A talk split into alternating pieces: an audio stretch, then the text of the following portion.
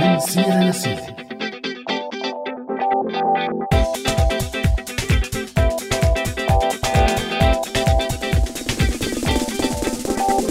يسعد مساكم مستمعينا مستمعي راديو سوريالي بحلقة جديدة من برنامج من سيرة لسيرة. معي أنا عزة وكمان معي همام من وراء المايك. يسعد مساك همام. يسعد مساك يا عزة ومسا كل مستمعينا عبر هوا راديو سوريالي بهالحلقة وكل حلقة وبهالبرنامج وكل برنامج. الله همام اليوم أكل شاورما ومروق. بس كأنك متقل شوي أه؟ بصراحة عزات تقلت كتير مو شوي. بس بتعرفي لما يكون العشاء شاورما إيه ما بيقدر الواحد ما يتقل. إيه طيب بكرة مثلا إذا كل هالسوريين رجعوا على البلد وتسكرت المطاعم السورية. شو بدك تعمل بحالك؟ اطمني ما رح يرجعوا. أف أف كل هالثقة مع إنه كل العالم عم تحكي بعودة اللاجئين السوريين. إيه صح عم يحكوا بس السوريين ما رح يرجعوا. ممكن يرجع جزء منهم بس أكيد مو كلهم. مشان شو بدهم يرجعوا وليش؟ يعني ببساطة لأنه الحرب عم تخلص وعم تصير البلد أكثر أمانا. إيه بس هذا مو مطلب أغلب الناس. وطالما الناس ما تحققت مطالبها ما رح ترجع. مع كثير أسباب تانية رح تكون سبب بعدم العودة. طيب همام خلينا لكن نحكي عن موضوع عودة اللاجئين ومحفزاته وعوائقه وسبب الاهتمام بهذا الموضوع مؤخرا.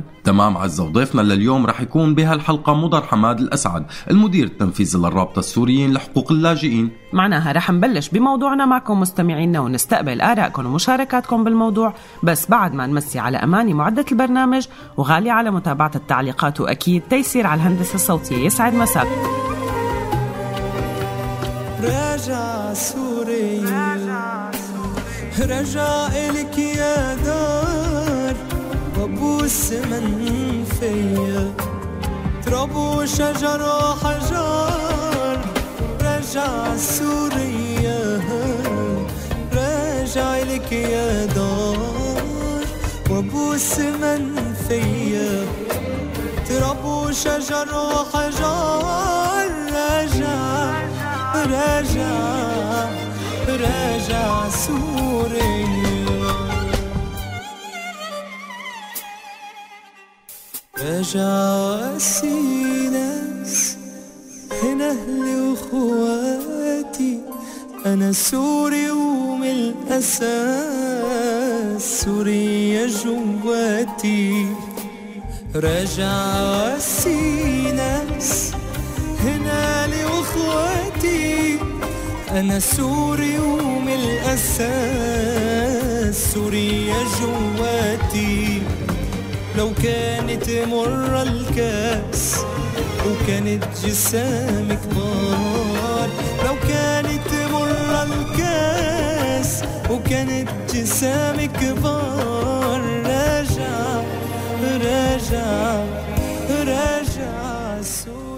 وخليكم عم تواصلوا معنا مستمعينا برسالة صوتية أو مكتوبة على الواتساب على الرقم 00962 7798 51210 وكمان ما تنسوا صفحاتنا على مواقع التواصل الاجتماعي فيسبوك وتويتر سؤال حلقتنا لهالأسبوع برأيكم مع ازدياد الحديث عن عودة اللاجئين السوريين هل ممكن ترجعوا على البلد بهاي الفترة وليش؟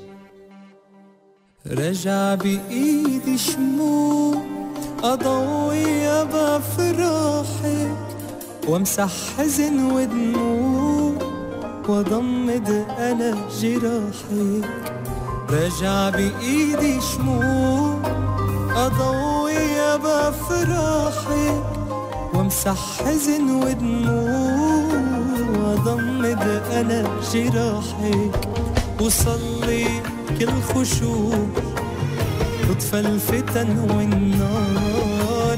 وصلي بكل خشوع تطفى الفتن والنار. راجع راجع راجع سوريا راجع إلك يا دار.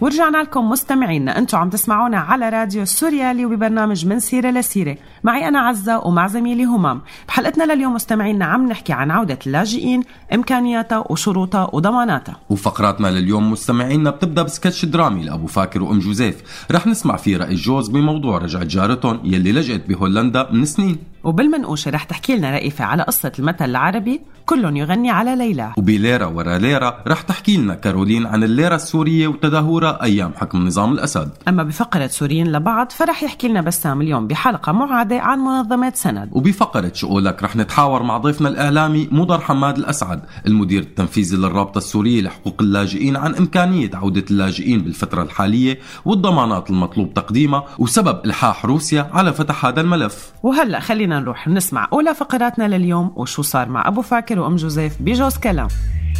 جوز كلام.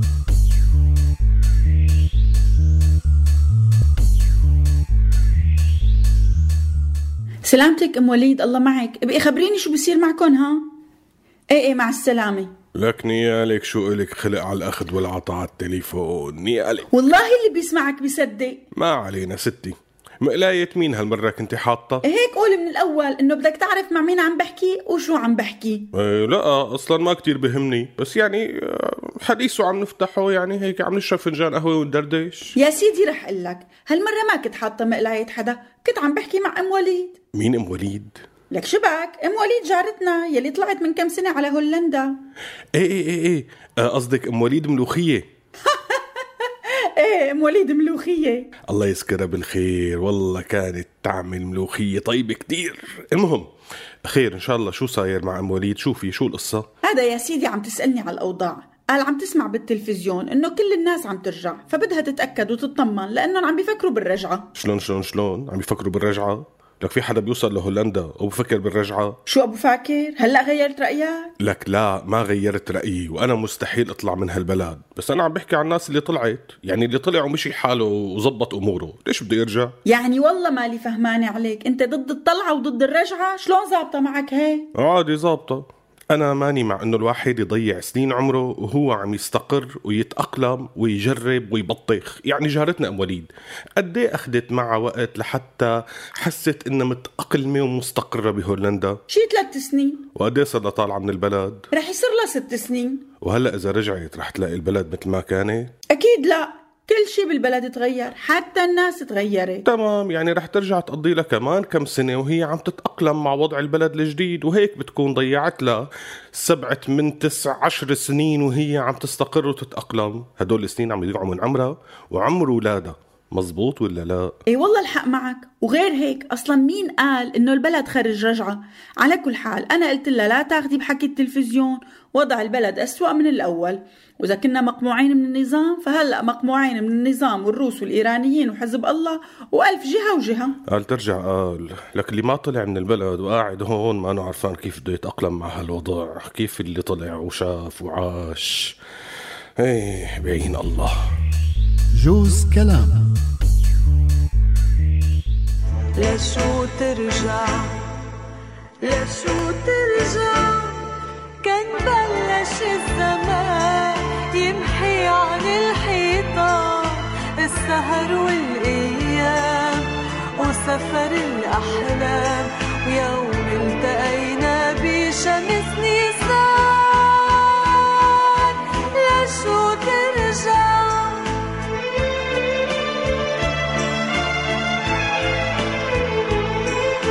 لشو ترجع لشو ترجع. كان بلش الزمان.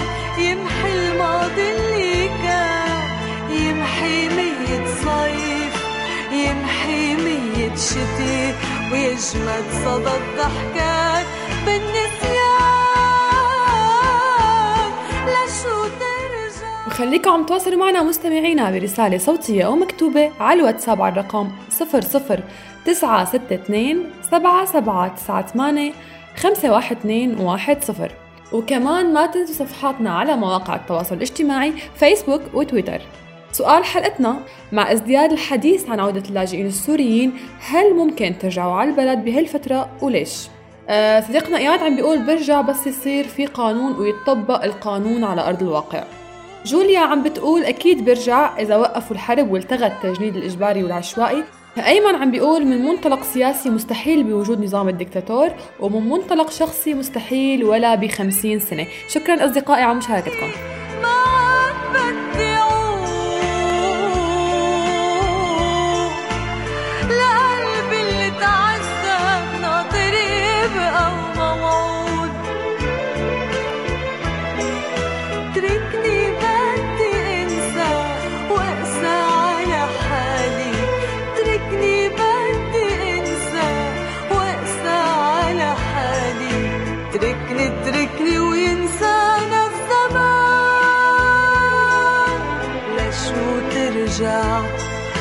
لشو ترجع.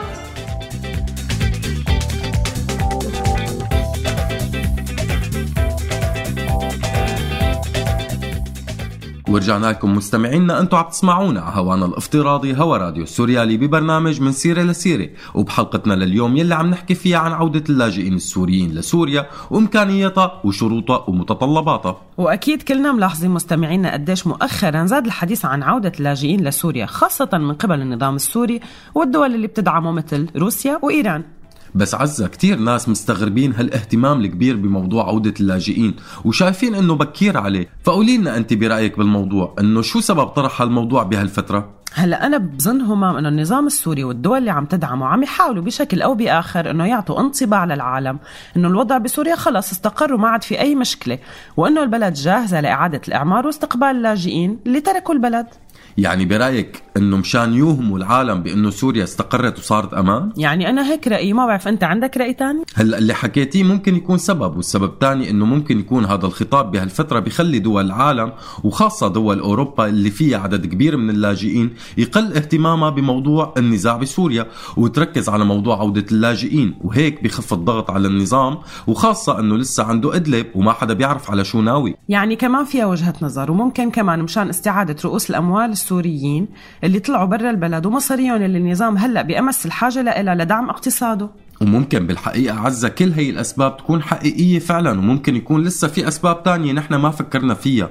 ومن كتر مو مستعجلين على الموضوع أسست روسيا بالتعاون طبعا مع النظام السوري مركز لاستقبال وتوزيع وإيواء اللاجئين ومهمة هذا المركز يتابع ويسهل عملية العودة. وكمان اقترحت روسيا على فكرة خطط للتعاون مع بعض الدول مثل الولايات المتحدة والأردن ولبنان وتركيا لرجعة اللاجئين. بس عزة مو كل هي الدول وافقت. أمريكا مثلا رفضت وقالت أنه ما في عودة للاجئين إلا لتصير انتخابات بإشراف الأمم المتحدة. بالمقابل همام وافق لبنان فورا مثلا على تقديم المساعدة لأي اقتراح روسي بيسعى لإعادة اللاجئين وبلش فعلا أساسا يرجع اللاجئين. والله يا عزة كلهم يغني على ليلاه ومو أكلها غير هالسوريين أي والله مزبوط كلامك. وبما إنك جبت سيرة هالمثل شو رأيك نروح لعند رئيفة ونسمع قصته؟ إيه ليش لا؟ لكن مباشرة مستمعينا على المنقوشة لنسمع شو رح تخبرنا رئيفة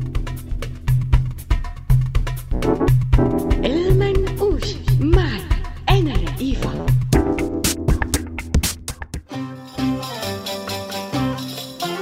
كل يغني على ليلاه مثل بنسمعه كتير وبينقال لما كل شخص بيشكي همه وما بيسمع غيره. أو لما كل واحد بيسأل عن حاله ومصلحته بس. بقى يا ترى مين هي ليلى؟ يلي كل واحد عنده منها. ليلى بهالمثل مو المقصود فيها امرأة. هي أي شي بيهتم فيه الإنسان. وقصة هالمثل إنه عاشت بوحدة من القبائل العربية واسمها قبيلة بني عامر. صبية اسمها ليلى العامرية وكان عندها ابن عم اسمه قيس بن الملوح. عاشوا بعهد الأمويين.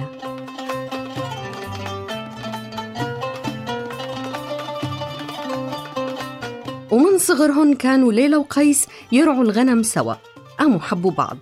وكان قيس يمشي بين الناس ويقول فيها شعر. لكن لما كبروا رفضوا أهلهم يزوجوهم لبعض ومنعوهم يشوفوا بعض. تعب قيس ومرض ونحف. وضل يقول فيها الشعر لحتى جن. وحتى بعد ما جن ضل يقول فيها شعر. برواية تانية إنه قيس ما جن.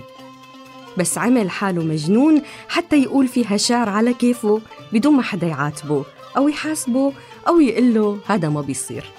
ومشان هيك لقبوا بمجنون ليلى.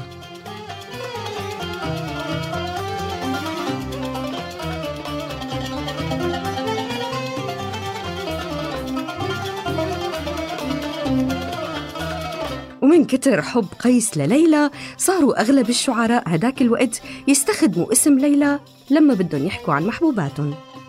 وينسبوا الشعر لمجنون ليلى لأنه مجنون وما بيتحاسب على شيء بينما هن بيتحاسبوا فصار في شعر كتير منسوب لمجنون ليلى وبيحكي عن ليلى.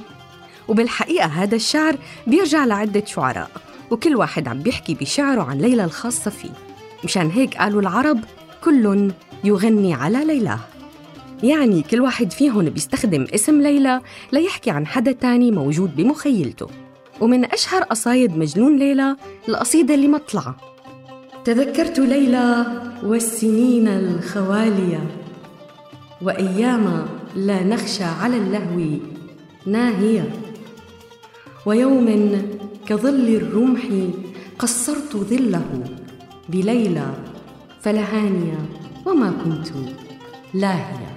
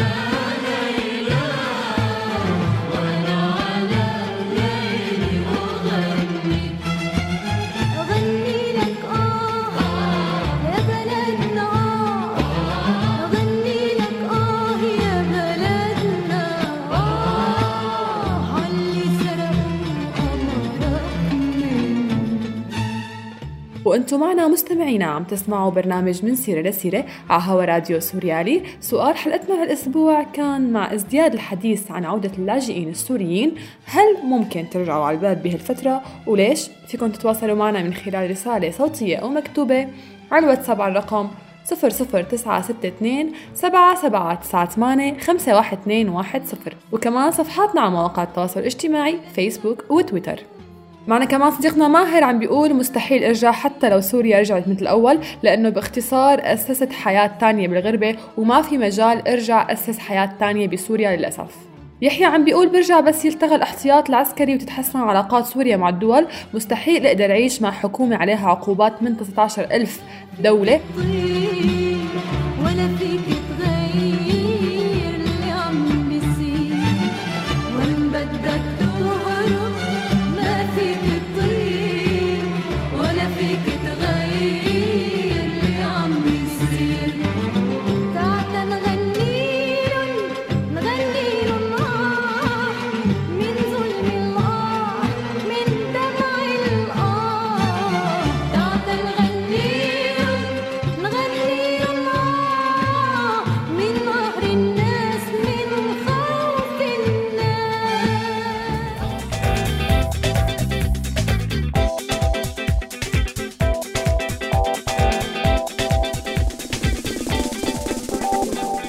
ورجعنا لكم مستمعينا. أنتم عم تسمعونا على هوا راديو سوريالي ببرنامج من سيره لسيره عايل اللي عم نتناول فيه اليوم موضوع عودة اللاجئين وظروفها وإمكانياته. ويبدو إنه النظام عم ينقيهم من اللاجئين يلي بده إياهم يرجعوا تنقاي. يعني مو كل مين لاجئ حب يرجع مرحب فيه. ومن اللاجئين المرحب فيهم وبرجعتهم على سوريا رؤوس الأموال وهذا الشيء اعلنه النظام بشكل واضح وصريح عبر إعلانه الرسمي. وقال إنه إذا ما رجعت الأموال السورية اللي هاجرت فرح يكون مصير الاقتصاد السوري مأساوي خلال الفترة الجاية. وخصص مستمعينا النظام السوري نداءه لرؤوس الأموال الموجودين بلبنان واللي بتتقدر أموالهم بأكثر من 25 مليار دولار. وترافق هذا النداء مع اشاعات تم اطلاقها ومو مستبعد ابدا إنه النظام السوري يكون هو حكاها وطالعها الإشاعات بتقول إنه الاقتصاد اللبناني على وشك الإفلاس وأصحاب الأموال السوريين رح يخسروا مصاريهم إذا تركوها بلبنان وما رجعوا فيها فورا على سوريا. طبعا هذا حكي النظام أما حكي رياض سلامة حاكم مصرف لبنان المركزي فبيقول إنه اقتصاد بلاده قوي ومتين وما في أي مشكلة بتتعلق بحقوق المودعين بالبنوك اللبنانية. وبنفس السياق مستمعينا توجهوا مجموعة من رجال الأعمال السوريين بمصر لدمشق. بدعوة من رئيس مجلس الوزراء عماد خميس لمناقشة الأسباب اللي ممكن تمنع رجعتهم ورجعة مصاريهم. وخلال هذا اللقاء قدم عماد خميس كل الضمانات يلي بتكفل الحفاظ على أموالهم مع تقديم المساعدة إلهم مشان إعادة تشغيل مصانعهم ومشان ترجع تنتج من جديد. ومستمعينا رجعت رؤوس الأموال السوريين لسوريا بتهم النظام السوري كتير وخاصة إذا عرفنا أنه الأموال السورية الموجودة بمصر بتتقدر بأكثر من 25 مليار دولار. بس برأيك هما ممكن هدول رؤوس الأموال يرجعوا هيك بهالبساطة؟ ومع ضمانات اللي عم تقدم عم تتقدم لهم؟ ما بظن عزة لأنه هدول الناس خسروا على إيد النظام من قبل خسارات كتير كبيرة فما رح يقدروا يوثقوا بضماناته يعني قديش خسارات كبيرة مثلا؟ يعني أضرار رجال الأعمال المادية المباشرة يلي كان النظام مسؤول عن تدميرها بشكل مباشر بتتقدر بأكثر من 20 مليار دولار من خلال قصف المعامل ومراكز الإنتاج ومصادرة الأموال. ومع نظام الدهور على إيده اقتصاد البلد صعب إنها تكون الضمانات موثوقة. شو يعني قصدك عزة؟ يعني قصدي إنه هذا النظام عمره ما عزز الاقتصاد ورفعه. يعني من وقت ما استلم الاقتصاد السوري بنزول. وإذا بتطلع على مؤشرات الليره وقيمتها من أول ما استلم نظام الحكم لهلأ بتتأكد إنه الاقتصاد على أيامه عم يتدهور. طيب فيك تحكي لنا أكثر عن قيمة الليرة السورية على مدى سنين حكمه؟ هلأ أنا ما رح أحكي بس رح أترك كارولين بليرة ورا ليرة تحكي لنا وتحكي للمستمعين. لك مباشرة لعند كارولين. ليرة ورا ليرة. معي أنا كارولين.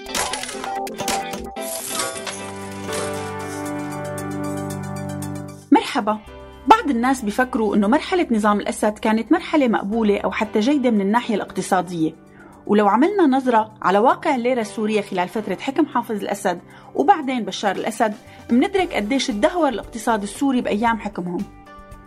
انولدت الليرة السورية بأيام الانتداب الفرنسي على سوريا وكانت تنحسب قيمتها على أساس الفرنك الفرنسي. وبعام 1953 تم إصدار أول ليرة سورية مستقلة. ومن بعد الاستقلال صارت الليرة السورية مرتبطة بالدولار وكان الدولار الواحد سنة 1947 بيساوي 2.19 ليرة سورية.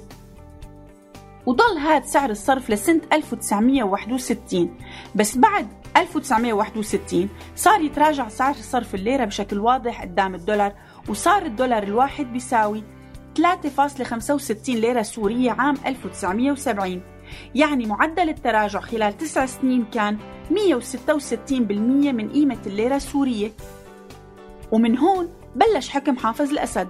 من ال 1970 لل 1976 تغير سعر الصرف من 3.65 ليرة ل 3.90 ليرة وبسنة 1981 صار 5.56 ليرة. ب 1986 صار ب 11.25 ليرة. وبال90 صار 42.5 ليرة وبال2000 صار 46.5 ليرة.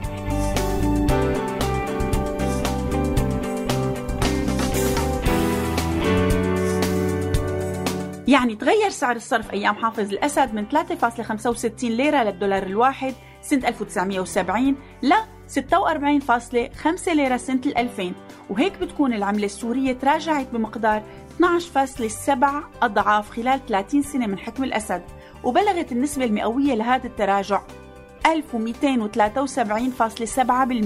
مقارنة مع سنة 1970 بمعنى تاني الليرة السورية كانت تفقد كل سنة من قيمتها حوالي 42% وهي الأرقام طبعا ما لها مؤشرات منيحة اقتصاديا لأي مجتمع وآثارها السلبية كبيرة على الصعيدين الاقتصادي والاجتماعي.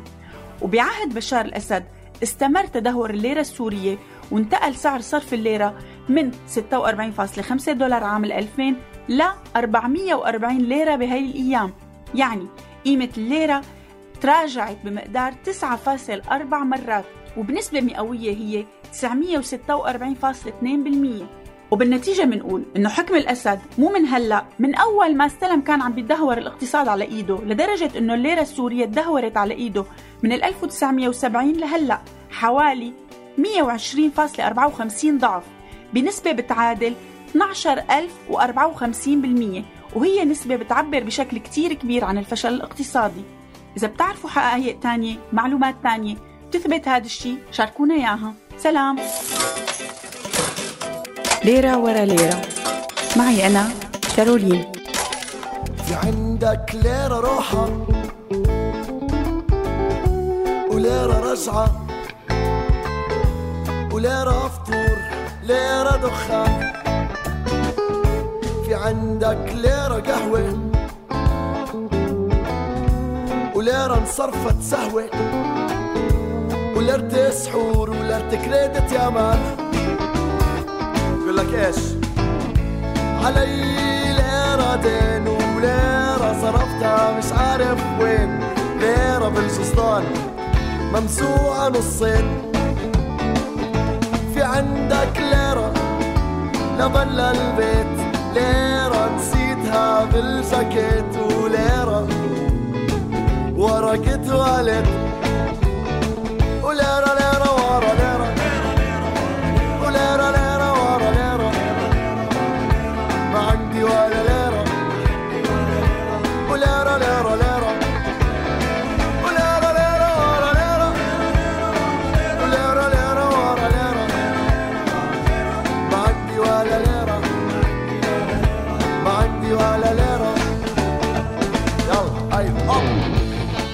وخليكم عم تواصلوا معنا مستمعينا برسالة صوتية أو مكتوبة على الواتساب على الرقم 00962 7798 51210 وكمان ما تنسوا صفحاتنا على مواقع التواصل الاجتماعي فيسبوك وتويتر سؤال حلقتنا لهالأسبوع برأيكم مع ازدياد الحديث عن عودة اللاجئين السوريين هل ممكن ترجعوا على البلد بهاي الفترة وليش؟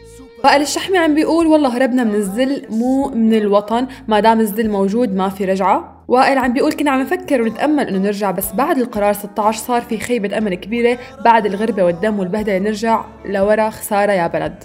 أنس عم بيقول بس يصير عنا نظام ديمقراطي وتنبنى البلد ويصير عنا مؤسسات مثل الجوب سنتر وتتأمن حياة عادلة بين أفراد المجتمع بفكر إني أرجع.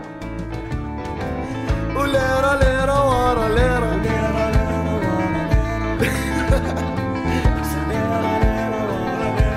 ما عندي ولا ليرة. ما عندي ولا آه ما عندي ولا ليرة.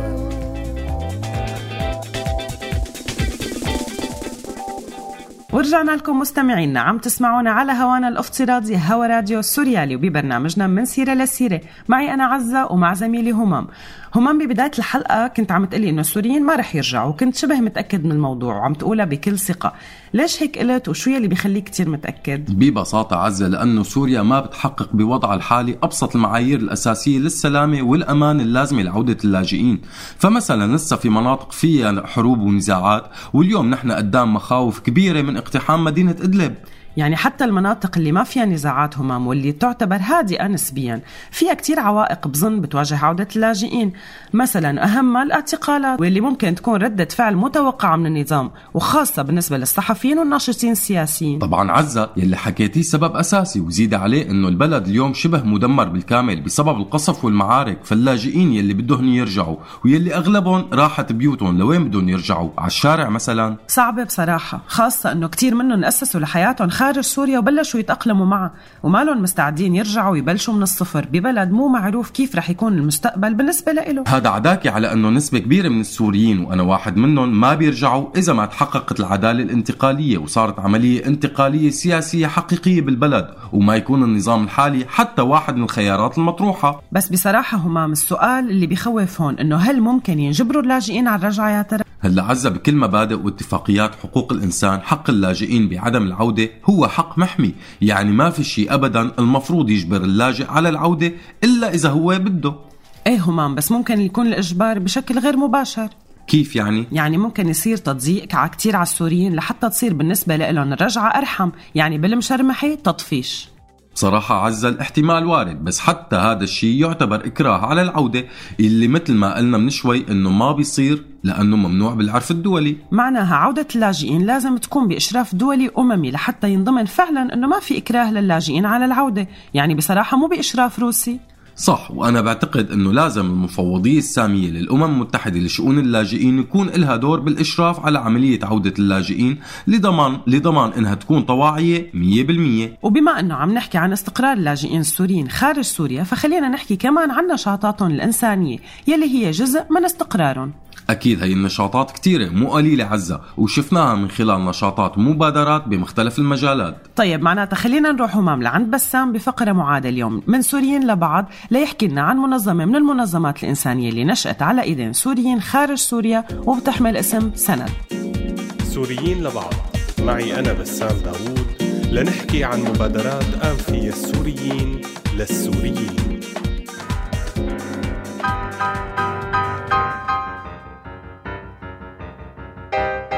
مرحبا.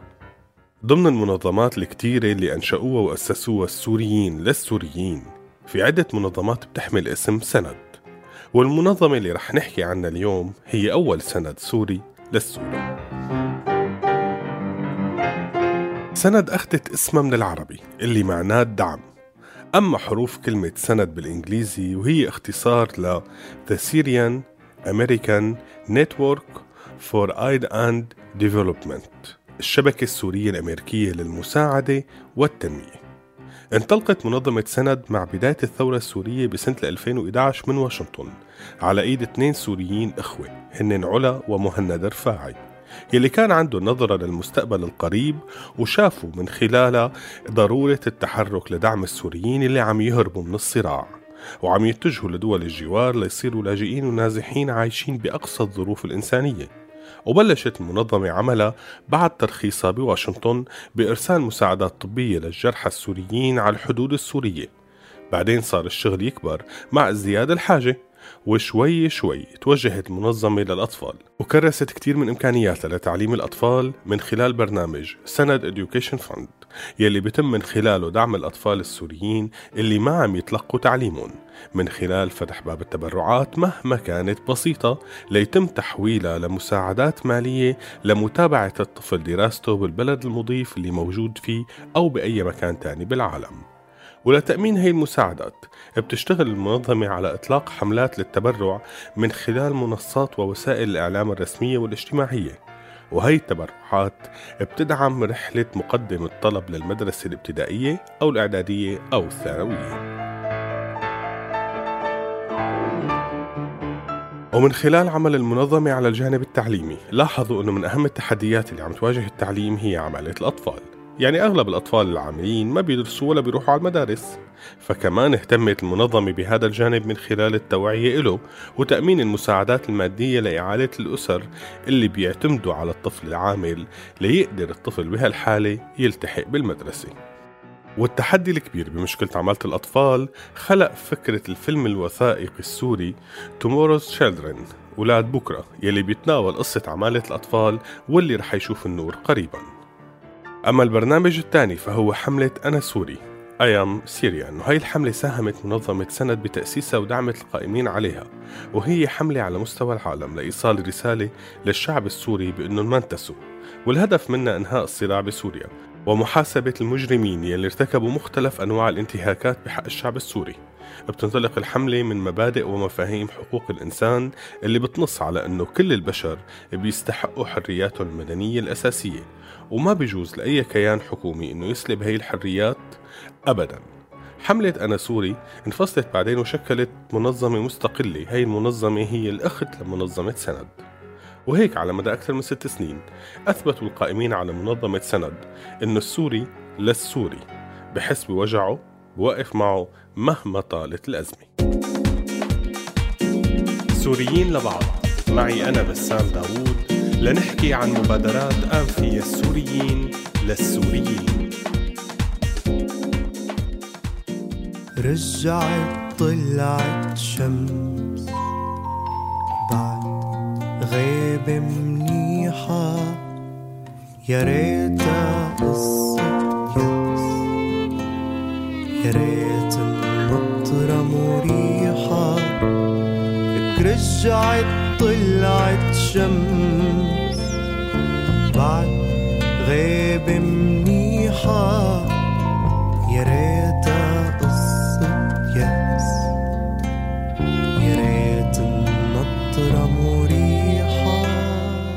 وخليكم عم تواصلوا معنا مستمعينا برسالة صوتية أو مكتوبة على الواتساب على الرقم 00 962 7798 512 وكمان ما تنسوا صفحاتنا على مواقع التواصل الاجتماعي فيسبوك وتويتر. سؤال حلقتنا مع ازدياد الحديث عن عودة اللاجئين السوريين هل ممكن ترجعوا على البلد بهالفترة وليش؟ إبراهيم عم يقول إذا ما بيسقط الطاغية ما حدا رح يفكر بالرجعة. محمد بيقول مستحيل الرج... مستحيل الرجعة بوجود هيك نظام وهيك فصائل. أما حميد عم بيقول بنرجع لأنه الواحد بس طلع من بلده ما عاد له قيمة. شكرا أصدقائي على مشاركاتكم. قال هلا رجعت شمس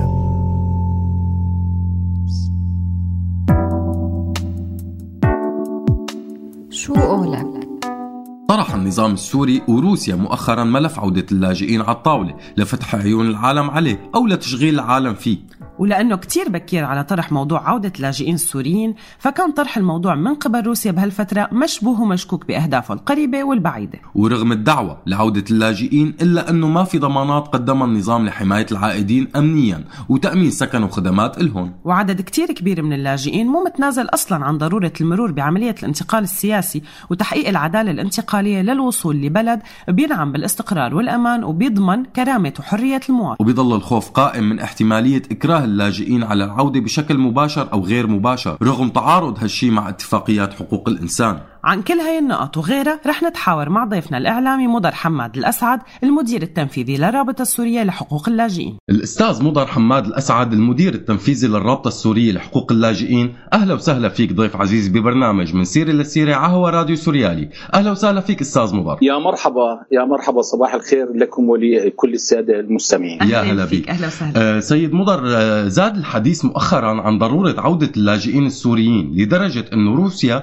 اتدخلت بالموضوع بشكل مباشر من خلال مفاوضاتها مع الحكومة اللبنانية على إعادة اللاجئين. بداية آه شو سبب الاهتمام الكبير من قبل النظام وروسيا بعودة اللاجئين السوريين؟ نعم لا شك بأن روسيا في الفترة الأخيرة قد تبنت هذا الموضوع وهذا المشروع آه، من أجل عودة اللاجئين والمهجرين والنازحين إلى مناطق النظام على أساس أن النظام آه، أصبح يسيطر على أغلب أجزاء سوريا وعاد الأمن والأمان إليه. وهذا الأمر آه، يدعو إلى شرعنة آه، وجود النظام وإلى شرعنة انتصار النظام وعلى آه، على أن النظام هو الذي قد حقق الانتصار على العصابات الإرهابية. هكذا روسيا تريد أن تبرهن للعالم ولكن الحقيقة غير ذلك. نهائيا روسيا من خلال تبنيها هذا المشروع هو من أجل عودة اللاجئين السوريين إلى كنف النظام لعدة أسباب. أول هذه الأسباب إعطاء الشرعية لبقاء النظام. آه، السبب الثاني من أجل تجنيد الشباب الذين سيعودون إلى سوريا ضمن جيش الأسد أو ضمن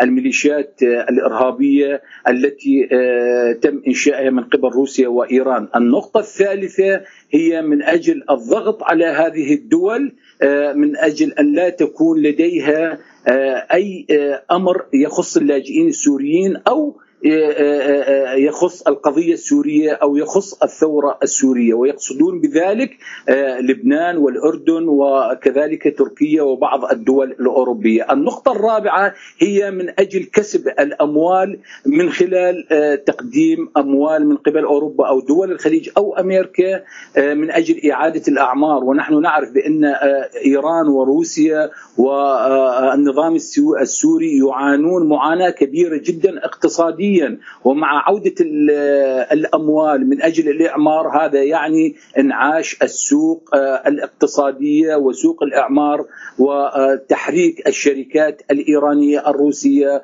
والتابعة للنظام السوري آه، ماديا وهي التي ستقوم بأعمال التنفيذ. ولكن تنبه إلى ذلك المجتمع السوري والمنظمات السورية وكذلك الدول الأوروبية والدول, والدول العربية تنبهت إلى ذلك. والمجتمع السوري أو الثورة السورية تنبهت إلى ذلك مبكرا عبر الرابطة السورية لحقوق اللاجئين التي آه، سارعت إلى آه، عقد أكثر من اجتماع من أجل دحض افتراءات آه، روسيا ومن أجل وقف المشروع الروسي وتم تشكيل الرابطة السورية آه، آه، لعودة المهجرين آه، قسريا. وهذا الأمر هي رفضته رفض قاطع الرابطة السورية لحقوق اللاجئين وحتى وحتى اللجنة التي تم تشكيلها آه، حول عودة المهجرين واللاجئين رفضت رفض قاطع آه، شروط روسيا بعودة اللاجئين ورفضت رفض قاطع بالأساس الحديث عن عودة اللاجئين والمهجرين والنازحين إلى مناطق النظام عودتهم إلى مناطق النظام يعني الموت والقتل والاعتقال ويعني شرعنة بقاء الأسد إلى فترة أطول في سوريا وهذا الأمر ما نرفضه رفضا قاطعا. طيب آه، است... شكرا أستاذ مدار. السؤال الثاني شو هي الظروف المطلوب تهيئتها لرجوع اللاجئين؟ أو بالأحرى شو هي الضمانات اللي المفروض يقدمها النظام لحتى يرجعوا اللاجئين. بصراحة آه، اللجنة التي تم تشكيلها آه، من أجل دحض افتراءات روسيا ومن أجل الرد على المشروع الروسي أي هي آه، اللجنة الوطنية لعودة المهجرين واللاجئين وضعت عدة شروط ومن هذه الشروط أولا إسقاط نظام الأسد. الشرط الثاني تنفيذ القرارات الأممية والدولية وجنيف رقم واحد والقرارات 2254 و 2218 النقطة الثالثة اعتبار اللاجئين والمهجرين في دول العالم على أنه حق مشروع للشعب السوري آه، هربا من الظلم والبطش والقتل والتدمير وهي ليست منا من دول العالم بل هي وثق المواثيق الدولية التي تبنت آه، آه، موضوع اللاجئين في العالم. النقطة الرابعة لا يمكن إعادة الإعمار إلا بعد تحقيق المنطقة الآمنة في سوريا وتحقيق الأمن والأمان والاستقرار في سوريا. من خلال تطبيق القرارات الدولية. النقطة الخامسة على أن يكون للشعب السوري وللشباب السوري وللخبرات السورية اليد آه، آه، آه، وكذلك الأكثرية في إعادة الأعمار.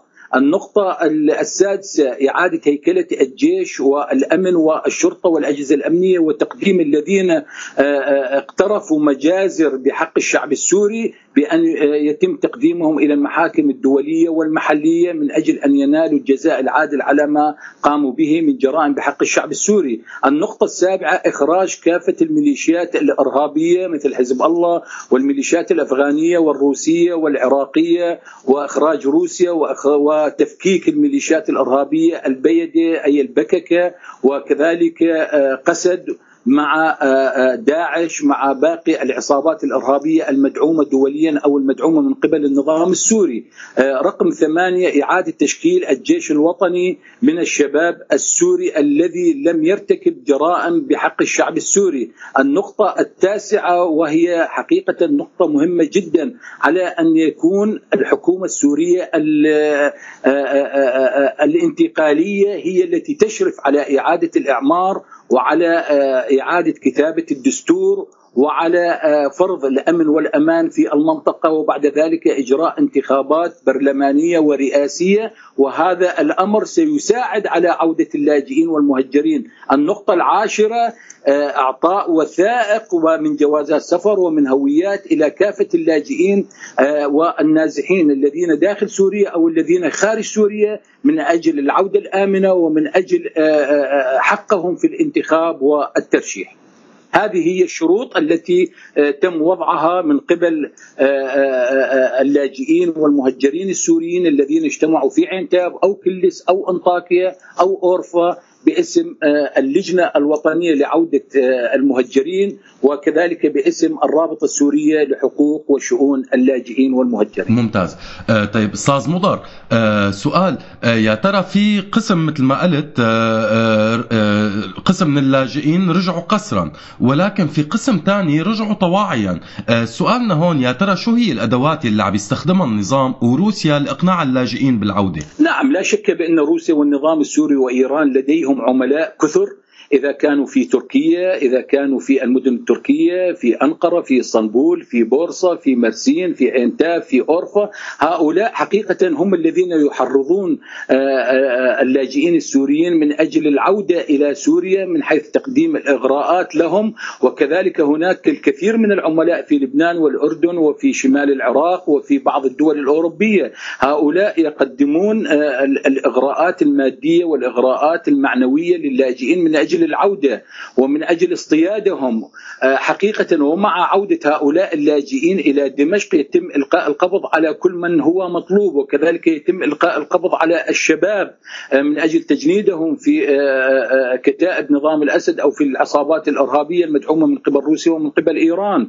ولذلك نحن نحذر حقيقة نحن نحذر كل من تسول له نفسه بأرغام أو ترغيب اللاجئين بالعودة إلى النظام لأن بذلك يرتكبون مجازر بحق اللاجئين والمهجرين. ولذلك حقيقة تم كشف الكثير من الأسماء إذا كان في تركيا أو لبنان أو الأردن أو شمال العراق أو الدول الأوروبية الذين يعملون لحساب النظام وروسيا وإيران وهؤلاء سيكون آه، لنا معهم شأن آخر من خلال آه، حقيقة محاسبتهم محاسبة قوية من خلال من خلال الكتائب الثورية أو من خلال الأجسام الثورية أو من خلال حتى الدول التي يقيمون فيها لأن هذا الأمر آه، يسبب في عملية آه، اعتقال وقتل السوريين وإرسالهم إلى الموت وإلى الاعتقال. ولذلك حقيقة نحن ننبه آه، كافة اللاجئين والمهجرين في دول الجوار أو الدول الأوروبية أو الدول العربية على أن نظام الأسد ينتظرهم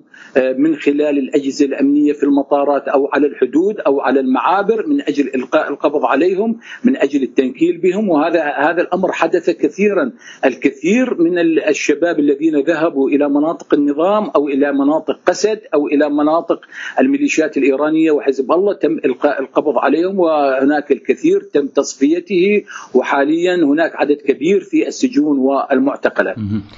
طيب آه، برأيك أستاذ مضر النظام على أي أساس ممكن يكون عم يختار أو ممكن ينقي بعدين آه، اللاجئين اللي بده إياهم يرجعوا أو ممكن يستثني أسماء مثلا ما بده إياها؟ وعلى أي أساس ممكن يكون هذا الانتقاء؟ حقيقة النظام يعرف من معه ومن ليس معه يعرف على أن الكثير من اللاجئين السوريين هم يقفون ضد النظام وتم تهجيرهم من سوريا بسبب القصف آه، النظام لهذه المناطق وبسبب القصف الروسي وبسبب ارتكاب وانتهاكات الميليشيات الإيرانية والعراقية والأفغانية وحزب الله وغيرها من انتهاكات حقيقية بحق الشعب السوري وكذلك من قبل البيدي قسد ومن قبل داعش ومن قبل المنظمات المدعومة من قبل المجتمع الدولي الذي كان آه، لابد أن يساعد الشعب السوري ولكنه أرسل ودعم هذه الميليشيات الإرهابية.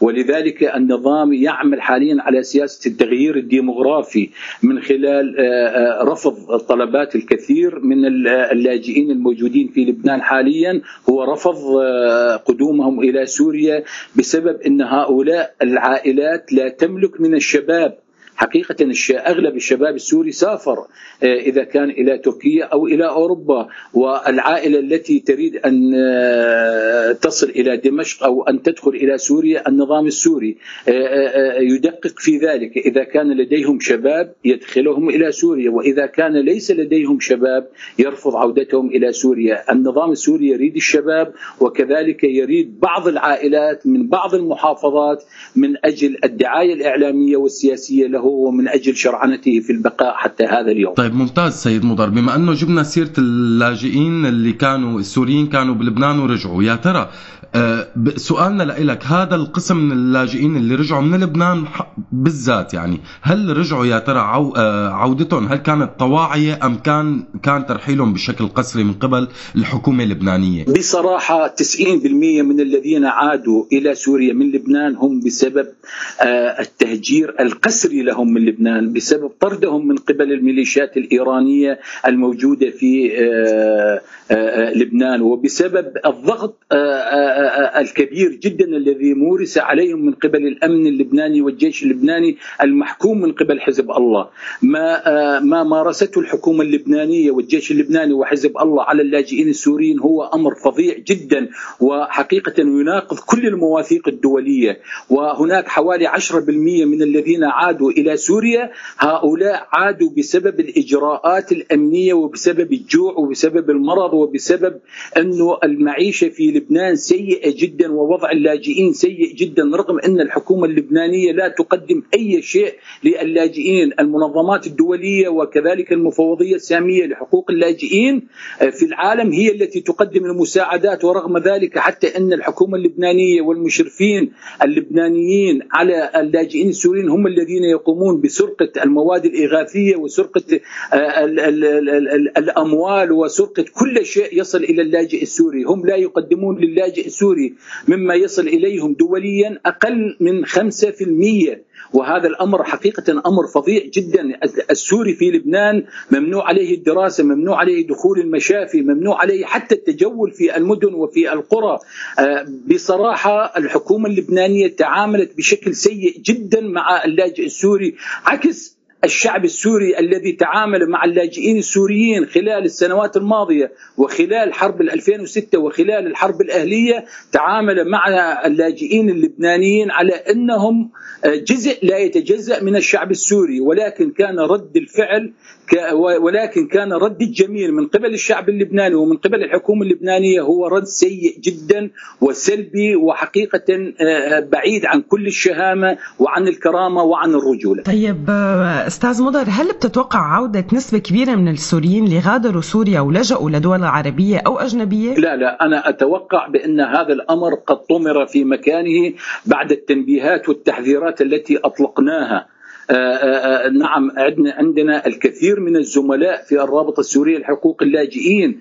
إذا كان محمد عز في بلغاريا وإذا كان عماد الأسعد وأحمد الأسعد مدراء المكاتب في ألمانيا وفي أوروبا وكذلك حسن في مدير مكتب الأردن وكذلك مدراء المكاتب في لبنان ومدراء مكاتب شمال العراق في أربيل و مدير آه، الرابطة السورية لحقوق اللاجئين السيد محمد النعيمي وأعضاء الرابطة في تركيا وفي أغلب دول العالم. هؤلاء من خلال الفضائيات ومن خلال وسائل الإعلام نبهوا تنبيه على اللاجئين بعدم العودة إلى مناطق النظام، هناك خطر كبير جدا على عودة اللاجئين إلى مناطق النظام وقد نبهناهم إلى كافة الاحتمالات التي سيقوم النظام بتنفيذها من الاعتقال، من التصفية من تجنيد الأبناء من مصادرة الأملاك من مصادرة الأموال. وكل هذه الأمور حقيقة الشعب السوري من اللاجئين والمهجرين والنازحين قد وصلتهم هذه التعليمات. ولذلك هناك رفض عام آه، آه، لما تقوم به روسيا وإيران والنظام السوري والعملاء لهم في تركيا أو في لبنان من محاولات الترغيب والترهيب للاجئين والمهجرين من أجل العودة إلى النظام، النسبة قليلة جدا جدا بل ولا تذكر نهائيا من الذين عادوا إلى كنف النظام وتم تصفيتهم واعتقالهم وكذلك تم التنكيل بهم. طيب آه نهاية سيد مضر آه، عودة اللاجئين أو عدم عودتهم آه كيف ممكن يأثر هالموضوع على الملف السوري برأيك؟ نعم لا شك بأن آه، آه، آه، موضوع اللاجئين السوريين حاليا يوجد أكثر من 13 مليون سوري لاجئ في دول الجوار وفي أوروبا. هؤلاء يشكلون كتلة بشرية هائلة جدا وهؤلاء يشكلون نصف المجتمع السوري. بالإضافة إلى وجود حوالي 6 مليون نازح داخل المدن السورية هؤلاء تم تدمير منازلهم وقراهم ومزارعهم وتم إخراجهم من من المناطق ومن المدن التي يقيمون بها. أي حوالي حوالي 16 إلى 17 مليون سوري حاليا هم خارج منازلهم وديارهم ومزارعهم. وهذا الأمر يشكل حقيقه آه، آه، آه، أمر كبير جدا على النظام وعلى روسيا وعلى المجتمع الدولي بشكل كامل. ولهذا روسيا تريد أن تسحب هذا الملف من آه، آه، آه، القيادات الثورية أو من منظمات المجتمع المدني أو من الدول المجاورة لسوريا. تريد أن تسحب الملف وأن تضع الملف بيدها من أجل التحكم به ومن أجل تقديمه إلى النظام السوري على أن النظام السوري هو المسؤول عن اللاجئين والمهجرين والنازحين. ولكن علينا أن ننبه المجتمع الدولي وأن يجب أن يعرف المجتمع الدولي بأن اللاجئين والنازحين والمهجرين تم تهجيرهم تهجيرهم ونزوحهم من مناطقهم بسبب آه، انتهاكات النظام السوري وبسبب روسيا وبسبب إيران وحزب الله والبيده وداعش والمنظمات الإرهابية المدعومة من قبل آه، النظام السوري. وكذلك بسبب آه، القصف العشوائي من قبل التحالف الدولي الذي اليوم يقف مع العصابات الإرهابية للبيده وقسد الذين الذين ارتكبوا مجازر مروعة بحق الشعب السوري في المنطقة الشرقية وخاصة في عملية تدمير الرقة وعملية تدمير مناطق مناطق كثيرة في دير الزور وعملية تدمير آه، وتهجير آه، الشعب السوري في جنوب الحسكة وفي بعض مناطق جبل عبد العزيز وجنوب الردوة الهول وتل حميس والمناطق الأخرى آه، في المنطقة الشرقية. ولذلك نحن نقول ونؤكد للمجتمع الدولي بأن النظام السوري هو وراء عمليات التهجير والقتل والتدمير بالتعاون مع روسيا وإيران. ولذلك عودة اللاجئين إلى النظام يعني الموت الموت والقتل والتنكيل وهذا الأمر أتوقع يرفضه رفض قاطع المجتمع الدولي والدول بشكل عام ترفض ذلك حتى إن ألمانيا على رئيس ميركل رفضت عودة اللاجئين أو طرد اللاجئين وكذلك الكثير من الدول العربية آه، تنبهت إلى ذلك رغم إن هناك بعض الدول العربية أو بعض الدول الأجنبية التي تحاول التماهي مع النظام ومع روسيا ولكن بشكل عام هناك رفض كامل لعودة وطرد اللاجئين السوريين من دول الجوار ومن دول العالم. تمام نهاية سيد مطر يعطيك ألف عافية وشكرا كثير لك ولوقتك وشكرا للمجهود الكبير اللي عم تعملوه أكيد بالرابطة السورية لحقوق اللاجئين يعطيك ألف عافية شكرا كثير أستاذ بارك مطر. الله بكم بارك الله بكم وألف شكر لكم لهذه المتابعة الجيدة من قبلكم. شكرا, شكراً، لك يعطيك يعطيك. العافية تدور وترجع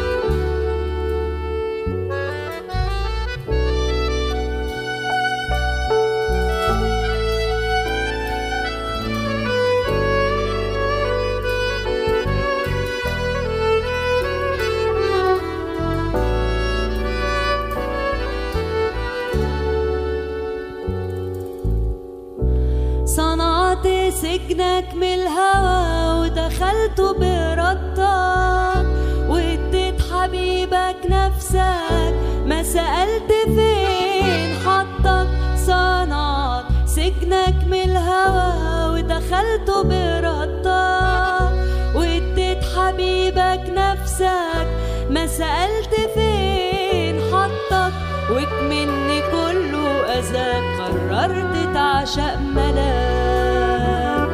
يلا عشقت الملاك حتى الملاك.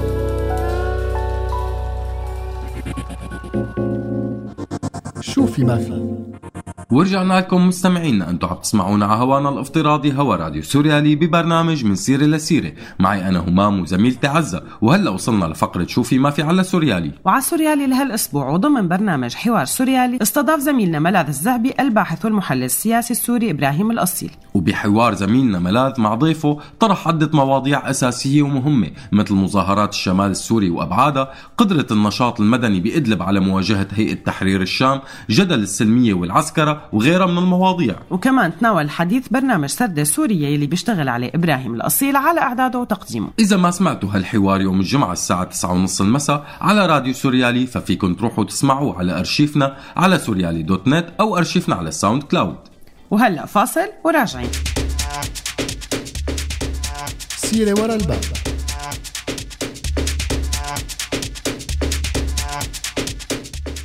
وقرب مستمعينا يخلص مشوارنا لليوم بس قبل عنا سيرة ورا الباب بدنا نخبركم إياها قبل ما نودعكم شهدت ولاية أورفا جنوب تركيا اضطرابات واسعة خلال اليومين الماضيين على خلفية مشاجرة بين لاجئين سوريين ومواطنين أتراك يوم الخميس الماضي 27 أيلول. أدى لقتلى وجرحى بين الطرفين. ويوم الأحد 30 أيلول شهدت ولاية أورفا مظاهرات واسعة بتطالب برحيل السوريين وسط حالة احتقان وغضب أدت لتكسير محلات السوريين. وباليومين الأخيرين ساد هدوء بالولاية بسبب فرض الحكومة التركية إجراءات أمنية مشددة لتدارك التأثيرات السلبية للموضوع.